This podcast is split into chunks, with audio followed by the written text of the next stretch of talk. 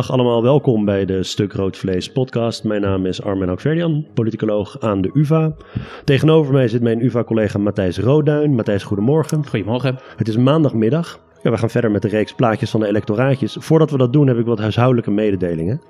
Allereerst, er is ontzettend veel activiteit op het blog op uh, stukroodvlees.nl. Uh, echt allerlei stukken van politicologen, bestuurskundigen, communicatiewetenschappers. Uh, in aanloop naar de verkiezingen zijn we allemaal politicoloog. Dat zijn die anderen eigenlijk sowieso wel. Uh, nee, dus daar, daar staat ontzettend veel. Dus kijk even op stukroodvlees.nl voor wat um, achtergrond en analyses bij de verkiezingen. Een tweede punt. Ik uh, ben uh, vrij productief met de podcast. Ik heb de afgelopen dagen ook wat podcasts opgenomen die niet per se met de verkiezingen te maken hadden. Eentje over uh, de oorlog in, in Gaza, met name over de aanslagen van Hamas en de ja, Israëlische bezettingspolitiek en Israëlische binnenlandse politiek met Hila Dayan en, en Rella Graziani. Dat was een enorm leerzaam gesprek voor mij. Dus luister die ook vooral terug. Ook als, ik bedoel, ja, de stof van deze verkiezingen een beetje gaat dalen. En um, ja, mijn goede vriend Rob Ford was in Nederland. Dus toen heb ik met hem ook een podcast opgenomen. Dat gaat natuurlijk ook niet over Nederland. Maar uh, mocht u zich zorgen maken over de staat van de Nederlandse democratie en de Nederlandse politiek, dan is het altijd goed om je te beseffen dat het in Engeland nog vele malen erger is. dus dus luister, luister dat ook gewoon terug. misschien de komende weken ergens. Als er weer ruimte in uw hoofd is voor, voor iets anders dan de Nederlandse verkiezingen. Oké. Um, Matthijs, we gaan de, eigenlijk de, nu de virtueel grootste partijen behandelen. We kiezen daarvoor de peilingwijzer. Uh, wij zijn volgens mij nog de enige die de peilingwijzer gebruiken. De NOS die heeft hem alleen nog in naam, steunt hij ze. NOS die is volledig op de Maurice de Hond bandwagon. Um, de peilingwijzer. En dan beginnen we denk ik met de BBB. Ja, toen wij naar de BBB gingen kijken was eigenlijk... Uh, Simon Otjes en ik, uh, we, we, we, hebben samen de, de, de, plaatjes gedaan. Um, was eigenlijk de grote vraag: ja, de, de vraag is sowieso, wat is het eigenlijk voor partij? En daar zijn eigenlijk, ja, je zou kunnen zeggen, twee grote ideeën over. De ene is dat het een christendemocratische partij is. Uh, dat het een soort van uh, uh, ja, christendemocratie in een nieuw jasje is. in ieder geval dat er een sterke christendemocratische component zit in de partij. En de andere is dat het een agrarisch-populistische partij is. Omdat de partij opkomt voor de belangen van boeren, voor uh, mensen die op het platteland leven, breder gezien, die zich achtergesteld voelen. En nog iets breder voor mensen die zich ja, niet gehoord voelen door de politiek in het algemeen, door Den Haag. Um, en wij wilden eigenlijk weten, ja, wat zie je daarvan nou eigenlijk terug bij de kiezer van de, van de BBB? Ehm, dus als eerste zijn we gaan kijken naar ja, wat onderscheidt christendemocraten van niet-christendemocraten. En dat, dat is ja, hun mate van religie, christelijk natuurlijk. En ook uh, wat conservatievere opvattingen op ethische kwesties. Um, dus daar zijn we gaan kijken naar hoe de ja, kiezers van de BBB naar verschillen van kiezers van andere partijen. En uh, wat heel interessant is, is dat, uh, ja, dat je eigenlijk ziet dat de kiezers van de BBB niet religieuzer zijn dan andere kiezers. Dus wat dat betreft lijken ze niet echt ja, christendemocratisch te zijn. Ze zijn ook niet conservatiever als het gaat over uh, euthanasie bijvoorbeeld. Um, dus op dat vlak zijn ze, ja, passen ze niet echt, zou je kunnen zeggen, bij een christendemocratisch electoraat. Um, wat wel heel duidelijk blijkt toen we wat verder zijn gaan inzoomen, is dat de kiezers van de BBB een stuk minder vertrouwen hebben in de politiek. Um, echt flink minder dan, dan de andere partijen. En ze hebben ook het idee of het gevoel dat anderen op hen neerkijken. Dus het gevoel van hè, dat, dat, dat op je wordt, wordt neergekeken, dat, dat leeft ook onder de achterban van de BBB. Als we naar uh, uh, issues gaan kijken, hè, naar opvattingen over bijvoorbeeld uh, immigratie en klimaat, dan zie je daar dat, ze, dat, dat de kiezer van de BBB heel duidelijk dichter bij de PVV bijvoorbeeld staat, bij radicaal rechtse partijen. Ze zijn um, een stuk grijzer als het gaat om groene issues. ze zijn een stuk restrictiever als het gaat om, uh, om, om immigratie. Dus de kiezers van de BBB, zou je kunnen zeggen, die zitten echt wel duidelijk tussen centrumrechts en radicaal rechts in. En ze neigen echt wel uh, naar dat laatste. Um, dus voor ons was eigenlijk, uh, denk ik, de belangrijkste conclusie dat als je naar de kiezers gaat kijken, ja, dat het eerder een, een, een, een, een agrarisch-populistisch electoraat lijkt te zijn, dan dat het echt een christendemocratisch electoraat lijkt te zijn. Ja. En op het gebied van bijvoorbeeld een economische, uh, economische houding als die inkomensverschillen uh, item die we altijd gebruiken, of inkomensverschillen kleiner moeten, eigenlijk een beetje, of ze kleiner moeten worden, of dat, ze, dat het prima is dat er inkomensverschillen zijn. Dat is een soort maat voor ja, uh, egalitarisme, om het maar zo te noemen. En uh, daarop zijn ze totaal niet onderscheiden van het bredere electoraat. En ik denk ook niet dat dat überhaupt iets is waarop de BBB zich profileert. Dus ik, um, ik vond het ook een, um, een, typerend, een typerend beeld. Ja, voor mij was het niet zozeer de vraag of BBB een christendemocratische partij was. Uh, het was eerder dat het CDA heeft heel lang die, ja, die rurale kiezer aan zich weten te binden. En ook via um, belangenorganisaties hebben ze altijd een hele sterke stem gehad in de landbouwsector. En de land, het Landbouwministerie was ook altijd belangrijk voor ze, maar ook LTO en allemaal van dat soort organisaties waren ook altijd wel verbonden met, met het CDA, of in ieder geval Christendemocratie en de voorlopers. Dus het CDA had altijd een hele sterke regionale stem uh, buiten de steden het is voor mij nooit een ideologische vraag geweest. Uh, van, van is nou BBB christendemocratisch? Het is in die zin een soort. Dat, dat, die twee worden samengevoegd heeft eerder te maken dat het CDA voorheen die boeren aan zich wist te binden. En ja, het CDA heeft natuurlijk de boeren decennia naar de mond gepraat over dat, over dat stikstofbeleid en over intensieve veeteelt en zo. Uh, en, en de boeren zijn, hebben, hebben de rug toegekeerd. Uh, misschien komen ze ooit nog terug, weet ik niet. Maar dat, dat, dat eruit komt dat BBB bijvoorbeeld een sterk profiel heeft op het gebied van immigratie-issues en naar rechts schuift. Uh, ja, dat zag je ook al tussen de regels door het stemgedrag van Caroline van der Plas in de Kamer. Het feit dat ze nu ook Mona Keizer en Epping en um, Lilian Helder en zo hebben aangetrokken. Ja, dat ik bedoel, het is gewoon, ik snap überhaupt niet waarom het een vraag zou kunnen zijn voor mensen dat het een partij is die in het centrum staat. Dat is het gewoon niet. Dat agrarisch populisme vind ik wel uh, interessant, want nou, jij bent natuurlijk een, een, een deskundige op het gebied van populisme. Historisch gezien is dat agrarische populisme is een van de oudste vormen van populisme. Ja, zeker. En dat is, dat, dat is wat, het, wat het zo interessant maakt, omdat eigenlijk in, in, in Nederland en in heel West-Europa eigenlijk, eh, als we het nu over populisme hebben, hier hebben, hier hebben we het uitgebreid over gehad, hebben we het vaak over radicaal rechtspopulisme. Want wij, wij associëren daardoor ook, hè, want dat zijn ook de meest succesvolle populistische partijen, we associëren populisme ook met radicaal rechts. Maar je zegt terecht, misschien wel de, de, ja, de eerste echte uh, populistische partijen, dat waren vooral agrarisch-populistische partijen. Bijvoorbeeld in de Verenigde Staten, dat was de, de, de People's Party, dat was een partij eind 19e eeuw die verzette zich uh, tegen de politieke elites. Uh, maar ook tegen de, de mensen in de grote steden die neerkeken op, op, op, het, op de gewone mensen op het platteland. En het grappige is dat uh, eigenlijk de kernboodschap van de BBB is eigenlijk precies dat. Dus dat agrarische populisme, dat is niet iets nieuws. Dat is juist een terugkeer naar iets wat we al heel lang kennen, maar wat we een beetje vergeten lijken te zijn. Ja, en dat agrarische aspect, um, voor mij, ik, jullie schrijven er ook over in het blog. Uh, het BBB is veel populairder dan de een paar procent van mensen die in de agrarische sector uh, werken. Um, er zijn heel veel mensen die zich aangetrokken voelen tot dat uh, lot van, uh, van boeren.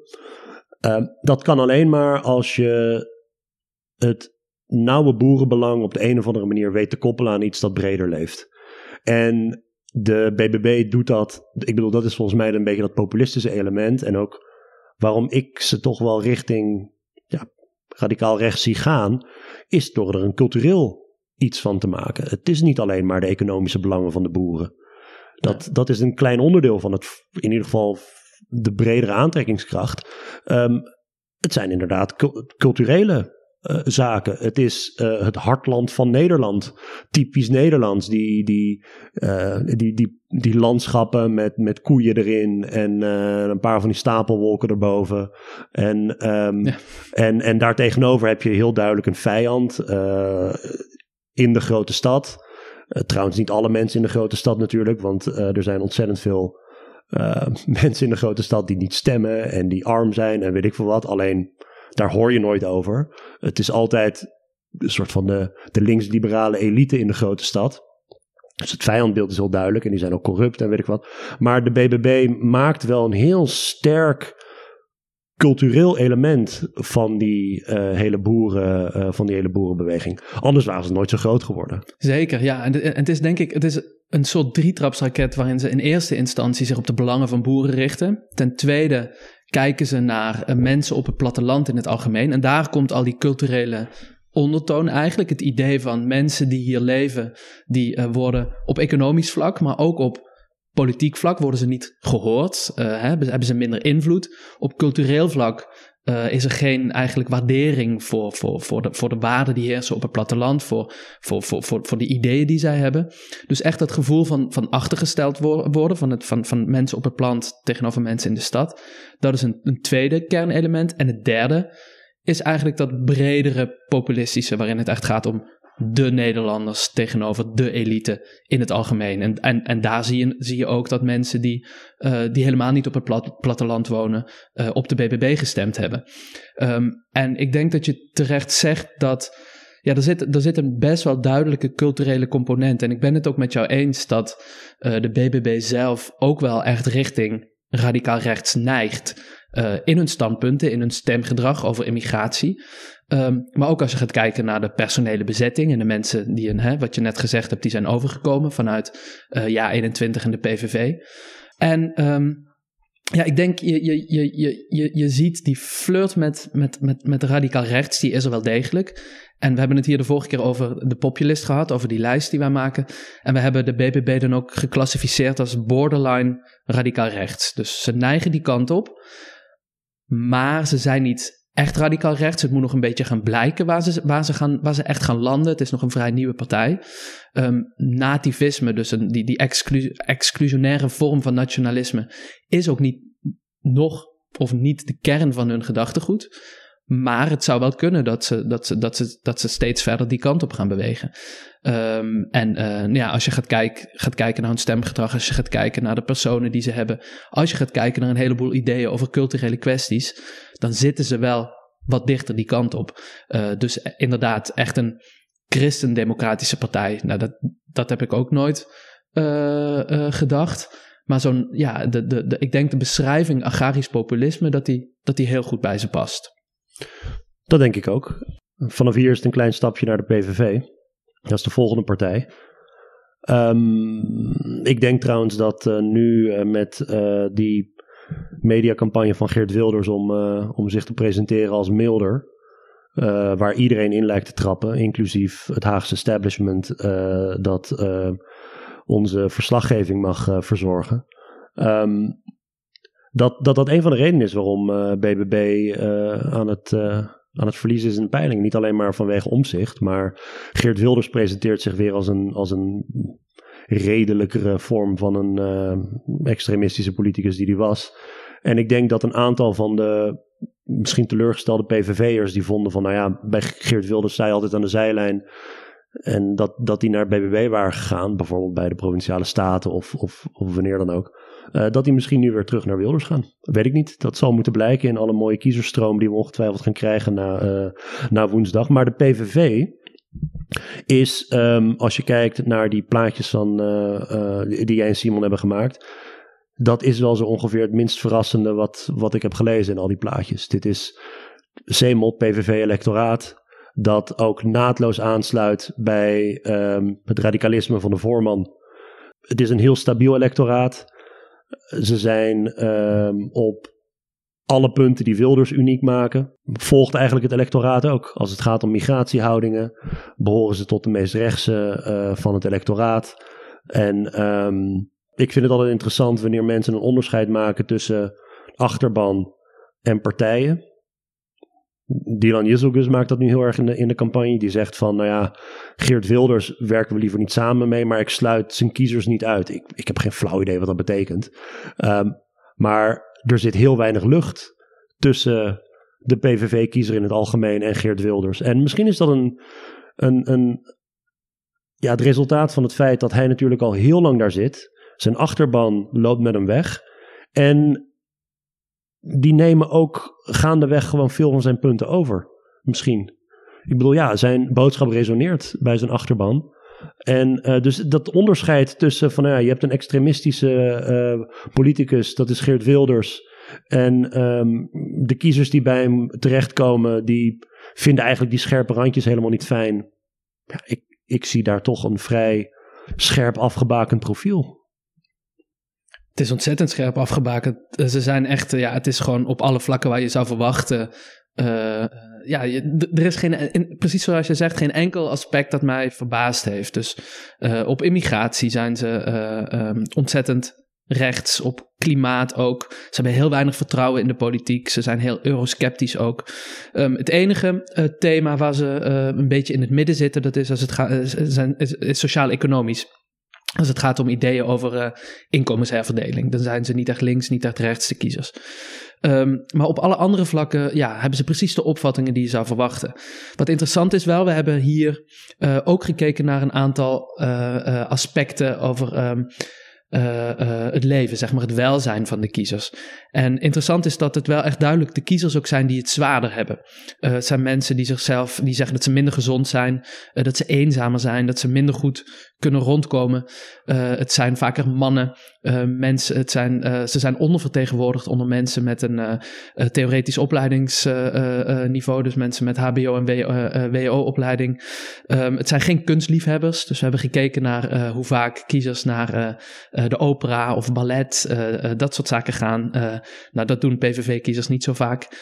wat één ding wat misschien, wat misschien wel eruit springt, is dat um, ze niet oververtegenwoordigd zijn onder mensen op het platteland. Dat verbaast jou en mij misschien niet zo heel erg. Uh, maar het beeld heerst wel heel erg dat ook de PVV, dat radicaal rechtse partijen, partijen zijn die het goed doen bij mensen die niet in steden wonen. Dat is niet iets wat uit deze, uh, wat uit deze analyses blijkt. Um, maar ja, het, het, het is een heel, duidelijk, heel duidelijke groep. En eh, wat je zei, ik denk het wordt nu heel interessant om te zien wat er gaat gebeuren nu de komende dagen en bij de verkiezingsuitslag. Je zag in de peilingen natuurlijk uh, al een hele tijd dat de PVV langzaam aan een opmars bezig was. Je zag dat de BBB uh, gigantisch aan het dalen was. Um, dus ik vermoed dat er, dat er heel wat, uit, uh, wat, dat er heel wat uh, um, verkeer gaat zijn tussen deze twee partijen als het gaat om hun kiezers. Uh, hoe, hoe groot dat gaat zijn, dat moet, dat moet, dat moet gaan blijken. Um, maar ja, zoals we, hadden het net over de BBB. Hè, we zeiden al, het is een agrarisch-populistische partij die op een heleboel vlakken dicht bij radicaal rechts zit. En dat geldt ook voor de kiezers. Nou, dat maakt het op zich ook logisch en heel erg denkbaar dat er flink, flinke verschuivingen gaan plaatsvinden tussen die kiezersgroepen. Ja, wat, wat interessant is aan die um, achterban van, van de PVV, dat ze dus uh, zeggen dat ze het, het, het, moeilijker hebben en uh, ongelukkiger zijn. En in die zin ook uh, in, een, in een moeilijkere situatie zitten, ook misschien economisch gezien. Dat, dat lijkt een beetje op die SP-achterban. Ja. alleen de PVV-kiezers in die situatie maken heel duidelijk een andere ja. keuze ja. dan de uh, kiezers van, uh, van de SP. Die um, op basis van hun eigen, laten we zeggen, gemarginaliseerde economische positie uh, kiezen voor economisch een van de meest linkse partijen in het land. En de kiezers van de PVV kiezen voor een partij die sociaal-economisch eigenlijk nauwelijks een profiel heeft. Maar op culturele issues een extreem duidelijke, duidelijk profiel hebben. Uh, wat laat zien dat we binnengroepen die dezelfde sociaal-economische misschien achtergronden hebben, ja, dat daar binnen ook enorme verdeeldheid kan, uh, kan zijn. De PVV in, uh, in de peilingwijzer, die is overigens al aan het stijgen vanaf uh, ja, eind april, toen ze op uh, 12 zetels stonden. En sindsdien zijn ze lineair aan het stijgen en in deze verkiezingscampagne zijn ze door aan het stijgen. Dus uh, ik denk dat we, um, wanneer we willen kijken naar straks de, uh, de resultaten. En mocht het zo zijn dat de PVV inderdaad uh, boven verwachting scoort, of misschien wint ten opzichte van de vorige keer, dat we dan niet alleen moeten gaan kijken naar wat is er gebeurd in deze campagne, of wat is er gebeurd een paar maanden geleden, maar het is het afgelopen half jaar is de PVV langzaam terrein aan het winnen. Ja, en het is, je, ziet ook, dus als je die peilingwijzer erbij pakt en je kijkt ook naar de BBB, dan zie je dat de piek, het, het dal van de PVV zat eind april en de piek van de BBB zat precies op dat moment. Dus je ziet op het moment dat de PVV begint te stijgen, zie je ook dat de BBB begint te dalen in de peilingwijzer. Maar de daling van de BBB is vele malen groter dan de stijging van de PVV. Um, dus het zal ongetwijfeld zo zijn. Omzicht. Omzicht natuurlijk, ja. Dus het, het zal een, een, een deel van de kiezers is naar, um, is naar uh, de, de, de, de, PVV overgestapt, uh, uh, hoogstwaarschijnlijk. En een groot deel natuurlijk naar, naar Omzicht. Maar wat precies die uitstroom bij de, bij de BBB is. Ja, ik ben wel heel interessant naar die kiezerstroompjes die we, strakjes, die we strakjes gaan zien. Maar ik vermoed inderdaad omzicht het grootste deel, PVV een groot deel. Misschien ook nog een aantal andere partijen. Goed, de Partij van de Arbeid en GroenLinks. Die uh, samen meedoen aan de verkiezingen, zoals, uh, zoals u ongetwijfeld weet. Ja, hier zijn we dus um, ook gaan, we zijn ze apart gaan bekijken. Want we kijken naar uh, de data van de, uh, de vorige Tweede Kamerverkiezingen en de data van de provinciale statenverkiezingen. Simon moet ook nog een beetje wennen aan het idee dat ze samen zijn. ja, dus, dus, dus, dus, we, hebben het, we hebben het nog even apart gedaan. Um, maar dat is juist natuurlijk, daar waren we toe gedwongen, want het waren twee. We hadden ze natuurlijk kunnen optellen. Maar het is, dat, dat is niet helemaal fair, want het waren gewoon twee aparte uh, partijen. Het zijn nog twee, nog, nog nog steeds trouwens twee. Uh, het is geen fusiepartij nog steeds. Het zijn nog steeds uh, twee aparte partijen die samen deelnemen met een gezamenlijke lijst. Um, maar we hebben apart gekeken. En um, ja, eigenlijk we begonnen met, met, met, met eigenlijk de, de analyse dat de partijen best wel sterk op elkaar lijken. Dus dat het ook niet gek is dat die twee samen de verkiezingen ingaan. Um, maar de vraag voor ons was natuurlijk in hoeverre lijken die kiezers dan ook op elkaar. En um, nou, op een aantal vlakken heel sterk. Dus um, het eerste is sociaal-economische thema's. Als het gaat over bijvoorbeeld inkomensherverdeling, dan zie je dat, er, dat, ja, dat zich duidelijk, zowel de kiezers van de uh, PvdA als die van GroenLinks, zich onderscheiden van andere kiezers. Ze zijn echt een stuk linkser. Um, hetzelfde geldt als je naar uh, ethische kwesties gaat kijken. en ze onderscheiden zich niet zo heel erg van elkaar. Nee, nee Ze precies. lijken heel nee. erg op elkaar op dat profiel. Ja, nee, dat, is, dat is inderdaad belangrijk om te, om te benadrukken. Dus dat, ze onderscheiden zich van anderen en ze lijken heel sterk op, heel sterk op elkaar. Hetzelfde geldt voor, voor ethische kwesties. Dus we hebben naar euthanasie gekeken. Ze zijn duidelijk een stuk progressiever en ze ontlopen elkaar niet zo heel sterk, de kiezers. Um, ook als het gaat om vertrouwen zie je een soortgelijk uh, beeld. Als je gaat kijken naar vertrouwen in, in, in de politiek, vertrouwen in de media, vertrouwen in de wetenschap.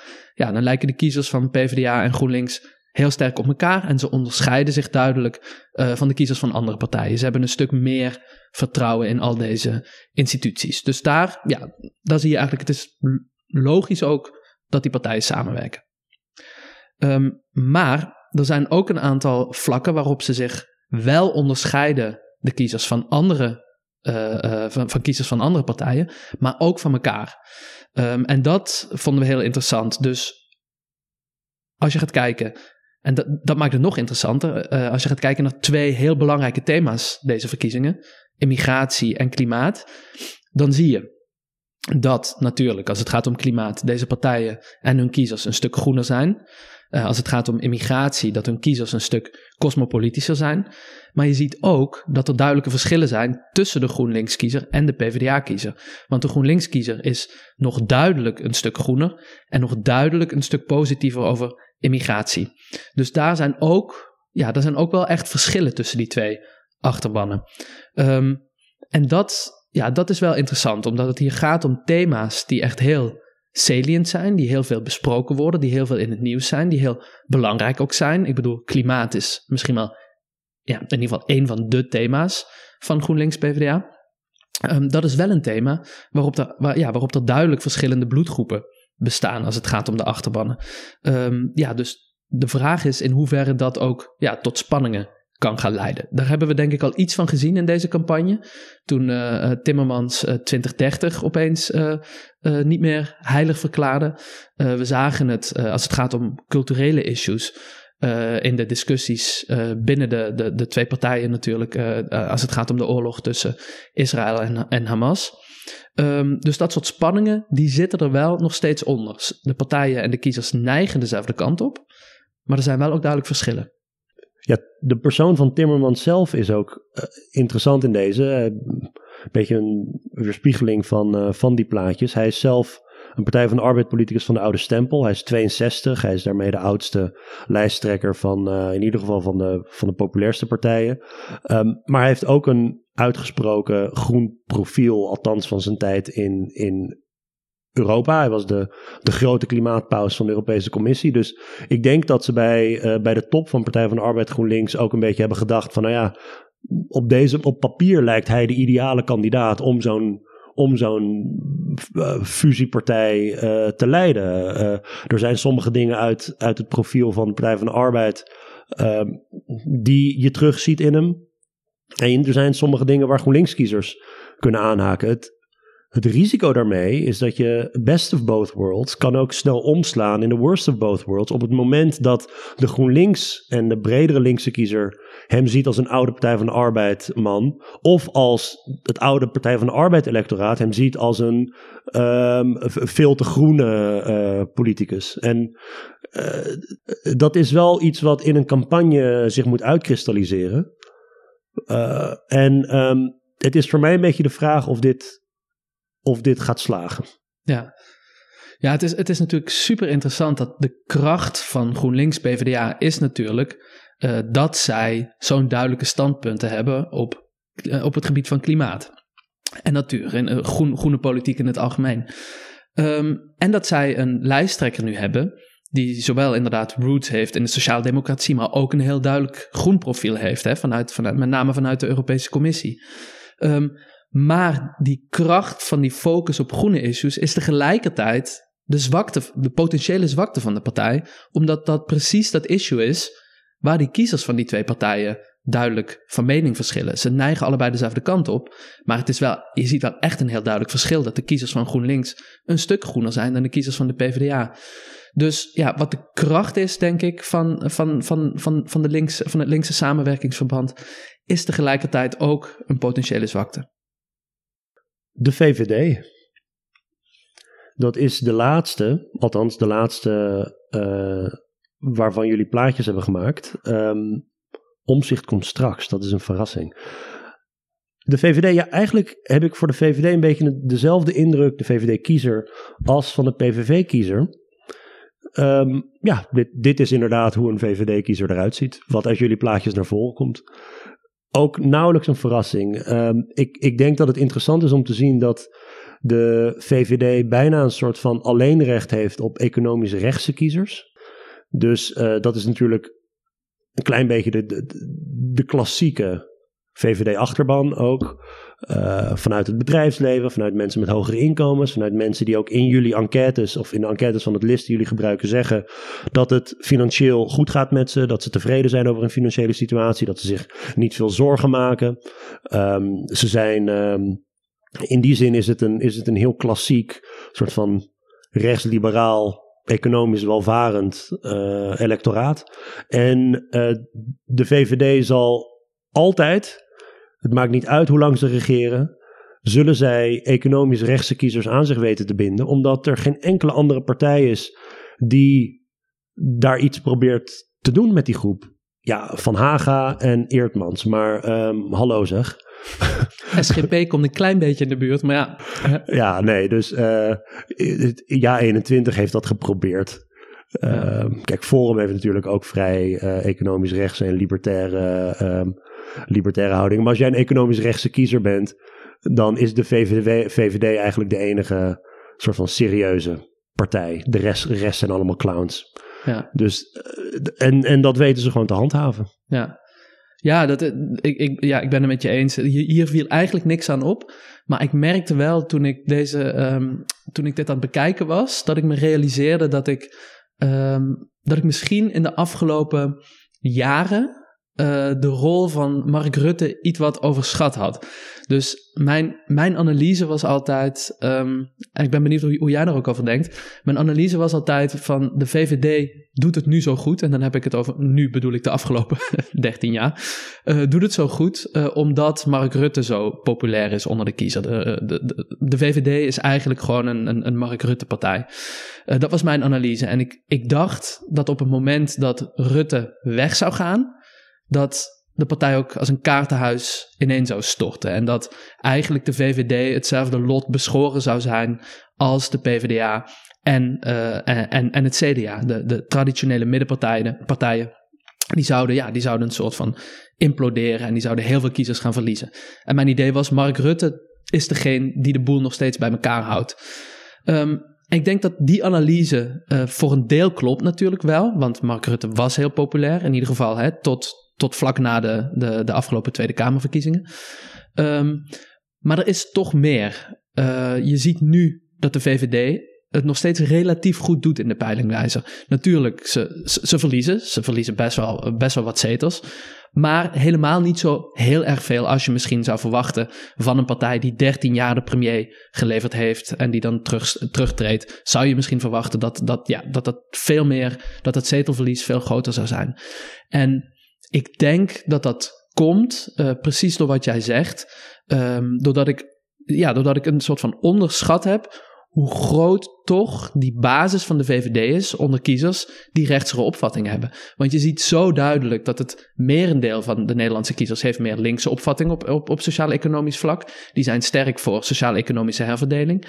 Maar de VVD-kiezer is dat echt eh, eh, ja, veel minder. Um, en er is maar één partij eigenlijk, echt een, een, een geloofwaardige partij, waar die kiezers naartoe kunnen. En dat is de VVD. Um, dus die VVD heeft wel degelijk een heel ja, unieke positie eigenlijk binnen dat politieke landschap voor dat electoraat. Ja, die, die relatief kleine groep die economisch gezien rechtse opvattingen heeft. Maar ja, die relatief kleine groep in een zwaar versnipperd politiek landschap, ja, die, die, die kan zomaar uh, toch dan uh, ervoor zorgen dat de VVD de grootste partij wordt. Um, en dat is iets wat, dat denk ik, ja, iets wat heel interessant is uh, om te zien dat die, wat dat betreft ja, de VVD misschien toch een andere positie heeft dan die andere traditionele middenpartijen in Nederland. Dat ze misschien wat dat betreft toch een stabielere basis hebben in het electoraat. Ja, het is een goede vraag. Ik, ik, ik weet niet of het, zeg maar, wat, uh, welk component van die VVD-steun nou door Mark Rutte de premier komt. En niet zozeer Mark Rutte de politicus, maar gewoon die premiersbonus. Die in Nederland uh, best, wel, uh, best wel bestaat. En, ehm, en het VVD-profiel op economische thema's. Maar het is ook moeilijk uit elkaar te houden dat voor kiezers die economisch rechts zijn. het hangt er natuurlijk ook vanaf met wie de VVD regeert. Hebben ze een alternatief? Ze hebben misschien een alternatief wanneer uh, D66 in de oppositie zit. Uh, het hangt ook een beetje van het D66-profiel van het moment af. Maar in ieder geval, ja, D66 van de laatste jaren is zich veel meer gaan profileren op klimaat en zo. Waarbij je uh, niet per se bij die, bij die groep hoor, hoort te zijn. Maar kijk, ik bedoel, D66 en VVD zijn allebei in ieder geval in naam liberale partijen. Die hebben van oudsher ook ja, een soort affiniteit als het gaat om uh, competitie en marktwerking. En D66 die uh, geeft daar wel een beetje een socialere invulling aan dan de VVD. Maar ik bedoel, breed genomen zou je zeggen dat wanneer VVD in de, uh, in de, in de regering zit, zou D66 een mogelijke, mogelijk alternatief zijn voor ontevreden VVD-kiezers. Of als een CDA in oppositie zit, misschien ook nog enigszins. Maar ja, op het moment dat ze allemaal met elkaar gaan regeren, wat de afgelopen vijf jaar het geval is, ja, wat is het alternatief? Ja, 21 of, uh, of Wiebrum van Haga. ja. Nee, dus in die zin uh, zit je dan ook een beetje gevangen als ja. economisch rechtse kiezer in Nederland. En um, uh, ja, de VVD die maakt daar gebruik van. Ik weet niet of ze gaan, gaan, gaan winnen ten opzichte van de vorige keer. Het lijkt erop dat ze wel wat zetels gaan verliezen. Maar um, ik denk dat, ze, dat wat jullie daar schrijven, zo had ik het eigenlijk zelf niet, niet per se gezien. Maar ik denk dat jullie gewoon groot gelijk hebben als jullie zeggen dat de VVD een beetje het alleenrecht heeft op dit moment op uh, economisch rechtse thema's. Lagere belastingen, uh, terugbrengen van uh, sociale zekerheid en, en publieke sector. En ja, gewoon klassiek economisch rechtse thema's. Ja, ja, het, is, het is ook, als je, die, als je die grafiekjes gaat bekijken, dat is heel interessant om te zien. Omdat je bij de meeste partijen, als je gaat kijken naar die grafiekjes over inkomensherverdeling, dan zie je dat, ja, of, of er, is, er is geen verschil met andere partijen, of ze zijn duidelijk wat linkser. En bij de VVD zie je zo'n gigantisch, bij de VVD-kiezers ja. zie je zo'n gigantisch verschil. Dat is echt, ja, dat is niet iets nieuws natuurlijk, dat weten we wel. Maar dat dat verschil zo duidelijk is en, en, ja, en, en, en zo in het oog springt, dat, ja, dat is toch Blijft toch opvallend. Er is nog één partij over. NSC heet die partij. Een nieuw sociaal contract. Ja, want het, het gaat niet alleen maar om Pieter Omzicht. Er is een heel partij, eh, partij omheen. Ik heb geen idee wat die plaatjes zijn, want die komen morgen eh, op het eh, blog. NSC zit natuurlijk niet in, in het list. Dat is een nieuwe partij. Hoe, hoe ben je aan de data gekomen? Ja, we, we, we zijn bezig met een paar eh, eh, collega's. Doen we een onderzoek eh, waar ik later nog wat over zal vertellen. Naar ehm, opvattingen over liberale democratie. Ehm, en dat onderzoek was in het veld in de afgelopen weken. Ehm, en op basis van die data, we hebben ook gevraagd naar, eh, naar op welke partij mensen hoogstwaarschijnlijk gaan stemmen bij de verkiezingen. En we hebben een aantal eh, achtergrondvariabelen en eh, vragen over allerlei politieke issues. Dus aan de hand van die data kunnen we voorzichtig iets zeggen. Voorzichtig natuurlijk, hè, want, want, want het, is, het, is, het zijn niet de echte kiezers zoals we bij, bij de data uit het LIS hebben, maar de mensen die hoogstwaarschijnlijk op NSC gaan stemmen. Kunnen we wel voorzichtig iets zeggen over de achterban van Pieter Omtzigt? Ik ben heel benieuwd. Ik, ehm, op basis van de commerciële pijlers, die, eh, die natuurlijk hier ook eh, data over hebben. Ook als het gaat om stemintentie, niet over wat, ze, wat, wat mensen hebben gestemd, want mensen hebben nog niet op eh, NSC kunnen stemmen. Ehm, ja, op basis daarvan denk ik dat we een electoraat zullen zien dat, even kijken, dat minder vertrouwen heeft in de politiek. Klopt dat? Klopt. Hoppakee. Hoppa. Dat is één. We Dat zullen... was de makkelijkste. Ja, nee, oké, dat is ook zo. Ik denk dat we op eh, het gebied van migratie zullen zien dat ze iets rechtser zijn, maar niet veel rechtser. We zijn toch aan een flink stukje rechts. Ze zijn flink rechtser. Kijk. Ja. Oké. Kijk, Even, of, of, de, de, ehm, er is een vraag eh, die gaat over wat, ehm, eh, wat er moet gebeuren met mensen met een migratieachtergrond. Mogen zij hun eigen cultuur behouden versus moeten zij zich volledig aanpassen aan de Nederlandse, natuur, eh, Nederlandse cultuur? Ehm, daar eh, zie je dat onder het bredere electoraat ongeveer eh 50% vindt dat zij zich moeten aanpassen, volledig moeten aanpassen. Onder NSC-kiezers is dat ongeveer 60%. Dus ligt 10% hoger. Als je gaat kijken, dus even, even eh, eh, statistisch gezien, de groepen zijn niet heel groot. Dus de betrouwbaarheidsintervallen die zijn, eh, die zijn iets, iets, iets wijder. Maar die overlappen niet. Dus er is een statistisch significant verschil ook. Maar ja, die 10% is natuurlijk best wel een, En een aardig verschil. ja, die 10% punt is een, is een, ja, is een redelijk verschil. En op welke andere partijen lijkt dit NSC-electoraat op, op als het gaat om migratie? Op de VVD heel sterk. Oké, op de, Ja. V- de VVD-kiezer. Ja. Oké, ja. Dus ze zijn nog niet zo eh, eh, rechts op die eh, thema's als radicaal rechtse kiezers. Nee, maar, Maar- het is, je ziet wel duidelijk een beweging die Ja. kant op. Want ook als je bij de VVD gaat kijken op migratie, zijn, zij- zijn die kiezers daar best wel rechts. Dan hebben we nog bestaanszekerheid. Ja, niemand weet wat bestaanszekerheid betekent. Maar laten we het hebben over economisch links-rechts. Dan denk ik dat ze eh, iets linkser zijn dan de gemiddelde kiezer. Maar niet heel veel. Ja, daar zijn eigenlijk geen verschillen. Ja, kijk, oké. Ze zitten gewoon, eh, Shit, dat wilde ik eerst gewoon zeggen. in het midden. Ja, dat wilde ik eerst. Oh. Knip. Knip, even opnieuw. Eh, nee, ehm, oké, ja. Ja, dus je ziet hier heel duidelijk, en dat is natuurlijk, er, er werd ook, ook wel gezegd, hè, oh, dat, dat misschien zijn partij wat meer links-conservatief is, Ja. hè, omdat hij het zoveel over bestaanszekerheid heeft. De vraag die, die dat ook oproept, inderdaad, wat jij zegt, wat is dat dan precies? Want eh, als het om het eh, minimumloon gaat, dan, hè, dan, dan, dan is die helemaal niet zo heel erg eh, links. Als je naar de kiezers gaat kijken, ja, die verschillen nauwelijks van, van, van andere kiezers. Dus we hebben de vraag gesteld of inkomensverschillen, of die, of die kleiner moeten worden. En daarin zie je niet, geen verschil van, van, van mensen die op andere partijen stemmen. Hebben jullie nog andere standpunten gevraagd? Klimaat. Klimaat, oh ja, nou ja, daar verwacht ik dat ze eh, minder eh, groen zijn dan, eh, dan het gemiddelde electoraat, net als omzicht zelf. Ja, dan zie je een heel duidelijk verschil. Dus mensen vinden dat. zijn het in, we hebben de vraag gesteld of mensen zich kunnen vinden in strenge maatregelen, zelfs als dat ten koste gaat van de werkgelegenheid. En daar zijn NSC-stemmers het in veel minder sterke mate eens dan mensen die op andere partijen stemmen. Dus je ziet daar een heel duidelijk verschil. Veel minder groen dan kiezers van andere partijen. How about de, de, de achtergrondvariabelen? Oh, Wat denk je daar?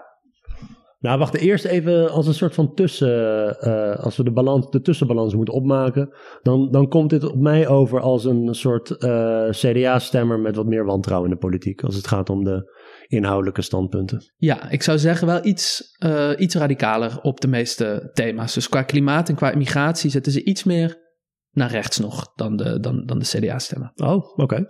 Ja. Oké, sociaal-economische thema. Eh, even kijken, sociaal-economische achtergrondkenmerken. Dan denk ik dat ze gemiddeld een stuk ouder zijn dan het electoraat. Ja. Het gemiddelde electoraat. Ja.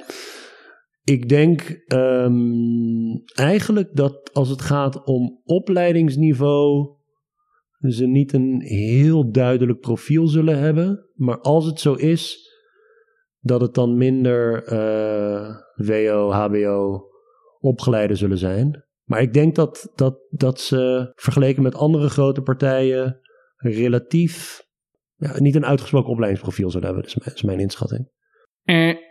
Oh, dat is echt fout? Ja, Nou ja, moet je nagaan. duidelijk minder eh, ondervertegenwoordigd onder mensen met een HBO- en WO-diploma. Nou ja, goed, ik heb ook nauwelijks onderzoek gedaan naar opleiding. Dus wat, hoe moet ik dat nou weten? Nee, dus hier zie je een heel duidelijk, hier zie je ja, eigenlijk best wel duidelijk dat de, wat dit betreft, en ook nog eh, wat anders, dat de, de kiezer meer lijkt op de radicaal rechtse kiezer. Oké, nou, dat, en wat, wat hebben we nog meer voor demografische kenmerken? Stedelijkheid. Ah.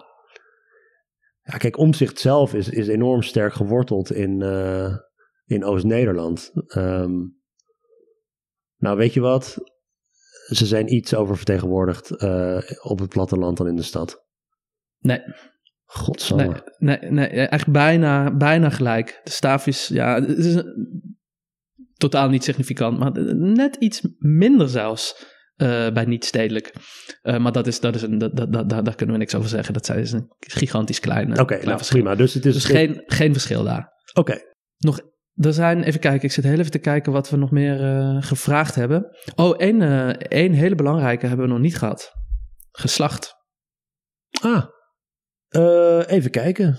Iets oververtegenwoordigd onder mannen. Duidelijk een, een, significant verschil ook. Moet ik, erbij, ik moet erbij zeggen, ehm, in deze steekproef zijn de vrouwen iets ondervertegenwoordigd. Dus daar moeten we nog enigszins voor corrigeren. Ehm, dus deze percentages kloppen wat dat betreft niet helemaal. Ehm, maar de verschillen zijn wel eh, eh, heel duidelijk. En ja, de- duidelijk over, eh, oververtegenwoordigd onder de, onder de mannen. Ik heb, we hebben, ehm, wat nog interessant is, we hebben ook twee andere vragen nog gesteld die wel, die wel, die wel boeiend zijn. Eentje eh, is, het is een vergelijkend onderzoek wat, wat we ook doen. Dus we hebben ook we hebben mensen gevraagd om zich te plaatsen op een links-rechts-schaal. Daar scoren, scoren de kiezers van om zich duidelijk, eh, duidelijk meer rechts. Dat is wat we eh, zouden verwachten. Maar we hebben ook gevraagd aan mensen om zich te plaatsen op een schaal van traditioneel tot progressief. Ehm, en daar zie je dat de kiezers van omzicht zich significant eh, meer als traditioneel omschrijven dan als progressief vergeleken met de kiezers van andere partijen. En als laatste, eh, die vond ik eh, ook heel interessant. We hebben gevraagd naar wat psychologen autoritarisme noemen. En dat wordt gemeten door te vragen naar hoe mensen vinden dat kinderen opgevoed zouden moeten worden. Ehm, is dat, stellen mensen daarin vooral persoonlijke autonomie centraal, dus creatief zijn, onafhankelijk zijn, nieuwsgierig zijn, of juist meer eh, behoudendheid en, autoriteit. Dus het volgen van regels, beleefd zijn, al dat soort zaken. Ehm, en als je hoog scoort, hè, als, je, als je vooral voor die laatste kiest, mensen moeten dan telkens tussen twee dingen kiezen. Tussen één van die, van, van die twee opties. Ehm, en ehm, mensen die een grotere nadruk leggen op, op, op regels, op, eh, op, op, op eh, beleefdheid, op al dat soort zaken, die worden dan meer autoritair genoemd. Ehm, als je gaat kijken naar de kiezers van eh, Nieuw Sociaal Contract, die scoren daar duidelijk hoger op. Dus die zijn autoritairder dan mensen die op andere partijen stemmen. Eh, en dat vond ik wel een interessante, dat vond ik wel een interessante bevinding. Dus die kiezers van omzicht lijken. ehm, eh, ze zijn dus, zoals we gezien hebben, qua klimaat en qua immigratie zijn ze een stuk rechtser. Maar ze zijn ook een stuk traditioneler, conservatiever en autoritairder. Ja. Ja, nee, voor het ouderschap was ik ook heel erg voor eh, creativiteit. En, eh, ja, dat, dat, daar moeten we denk ik wel van controleren natuurlijk. ik- en inmiddels. ehm, nou, dat is NSC. Het, kijk, ehm, we hebben natuurlijk in deze reeks hebben we veel gekeken naar dingen als, als vertrouwen. We hebben gekeken naar politieke ideologie. We hebben gekeken naar ehm, de demografische en sociaal-economische achtergronden. Uh, het kan natuurlijk ook zo zijn dat voor die NSC-kiezer, die, uh, dat je ze hierop wel een profiel kunt geven, maar dat uiteindelijk wat uitmaakt is gewoon omzicht. De, de leider. Uh, hoe belangrijk de leider is voor de partij. En dat al deze uh, zaken die, die we onderzoeken hier, en, en die, die, ik bedoel, dit profiel is, is denk ik een, een duidelijk profiel, maar dat het uiteindelijk minder belangrijk is voor NSC-kiezers dan voor bijvoorbeeld um, andere electoraten die we hebben besproken. Dat is iets wat je in die commerciële uh, peilingen uh, ook ziet. Is uiteindelijk is het de persoon omzicht. En um, nou ja, goed. Uh, natuurlijk gaat niet iedereen zomaar achter omzicht aan. zo, zo sterk is hij nou ook weer niet. Maar wanneer het gaat over die gelaagdheid van wat, bepaalt nou, wat, wat bepaalt nou stemkeuze, welke factoren en um, uh, ja, wat, wat geeft de doorslag? Dan denk ik dat je bij omzicht wel zou zien dat de persoon meer de doorslag geeft dan de ideologie van de partij. Ja, nee, dat, dat, dat denk ik ook. En het is, je ziet ook, hè, die, die, die, die bestaande onderzoeken, zie je inderdaad dat heel veel mensen zeggen op hem, uh, op, op NSC te gaan stemmen vanwege omzicht. En het is, dat is ook best wel, het is ook best wel ironisch uh, in, in zekere zin, omdat um, omzicht natuurlijk zegt dat hij echt voor de inhoud staat, dat hij de inhoud centraal wil stellen, maar zijn kiezers die stemmen voor een groter deel niet op hem vanwege de inhoud, maar vanwege hem. Je ziet het een klein beetje in dat wantrouwen terug. Want ik denk dat mensen uh, de hoop hebben dat om zich dingen kan veranderen. Ja. Uh, mensen die over het algemeen voor verandering zijn, die zullen dat doen omdat ze de huidige politiek ja, uh, niet toereikend vinden. En dat uit zich vaak in, in vormen van wantrouwen. daar zie je het een beetje in terug. Maar um, ja, verder uh, ben ik heel erg benieuwd wat de, uh, wat de coalitievorming gaat brengen. Uh, in, in, in, zijn, in de samenstelling van zijn achterban en hoe, hoe die partij zich verder gaat ontwikkelen. Zeker, ja. Ik, wat, wat denk je, hè? dus kijkend naar um, de, op, de, de, de, de, de plaatjes van deze electoraatjes, de, de, de opkomst van, van, van Omtzigt en ook van, van, van het succes nou van de PVV. Um, wij als politicologen eh, roepen nu al een tijdje dat in Nederland dat het Nederlandse landschap verdeeld is in drie blokken. Ik denk dat dat terecht is. Denk jij, of mijn, mijn, mijn indruk is nu dat we teruggaan naar twee blokken. De, omdat je heel duidelijk ziet, dus, dus drie blokken: een, een, een linksblok, een centrum rechtsblok en een radicaal rechtsblok. En dat het verkeer tussen die twee blokken, tussen die radicaal rechtse kiezers en de centrumrechtse kiezers, dat dat verkeer eigenlijk een soort van opgedroogd was. Dat er niet meer heel veel uh, verkeer tussen die twee blokken plaatsvond. En dat we daarom echt ja, spraken van die twee verschillende blokken. Um, in hoeverre denk jij dat eerst met de BBB en nu natuurlijk met omzicht, um, dat die twee blokken toch weer een beetje in elkaar aan het groeien zijn? Um, en ook natuurlijk, eh, laten we ook even niet vergeten, de, de, de, de politiek die er uh, rondom uh, Wilders speelt. En het, het, het, het, ja, het, het, openzetten van de deur door de VVD. Um, in hoeverre denk jij dat, ja, dat we na deze verkiezingen toch weer kunnen spreken van een groot rechtsblok. waarin het onderscheid tussen radicaal rechts en centrumrechts niet meer zo groot is? Het zou kunnen. Ik denk wel dat het, dat het minder uitgesproken is dan in 2021. Uh, deels ook omdat Mark Rutte uh, er niet meer is. Maar ik, ik vraag me af uh, waar je de VVD daar dan kunt plaatsen. Want ik denk niet dat er heel veel mensen naar de VVD toe gaan, deze verkiezingen. Nee. De VVD die moet het verlies zien te beperken. En dat doen ze opvallend goed, gegeven dat ze al 13 jaar aan de macht zijn. Ja. Dus ik denk wel dat er een, dat er een relatief groot blok is van van kiezers uh, die omzicht overwegen, tegelijkertijd met BBB, tegelijkertijd misschien met PVV, zeker uh, PV, ja, Wilders 2.0. Uh, ja, god, het is een, een vreselijk vreemde om mee te gaan. Hij is nog gewoon Wilders 1.0. Maar goed, het gaat erom wat hij weet te verkopen tijdens verkiezingscampagnes. Ik denk wel dat daar misschien meer, ja, wat meer kiezers tussen zweven en zo de, de, de, VVD lijkt me een beetje daarbuiten te staan. Ja, ja die wisselen natuurlijk uit met omzicht. maar niet zozeer met, direct met de, met de PVV. Ja. Maar ja, omzicht zou dan die brugfunctie eigenlijk... Ja, het zou kunnen. Dus eh, Vervullen. het zou kunnen dat, eh, dat omzicht eh, in plaats van de BBB, dat omzicht de, de brug zou vormen tussen centrumrechts en radicaal rechts. Ja. Ehm, dat zou heel goed kunnen, ja. Ja, en de, de vraag is natuurlijk ook, want je zag bij, die, bij, bij de bestaande kiezersstroompjes, zag je dat Omzicht natuurlijk kiezers kreeg vanuit alle hoeken. Ehm, ik vraag me heel erg af, ik ben heel erg benieuwd hoe dat er uiteindelijk nu uit gaat zien, met name vanuit de linkse partijen. Juist omdat nu natuurlijk Omzicht, hè, en, en als het gaat over toekomstige regeringen, dat gaat allemaal over rechts. Omtzigt, die, die, die, die, die, die, die, die heeft daar zijn voorkeur voor uitgesproken. Zijn kiezers hebben daar de voorkeur voor uitgesproken.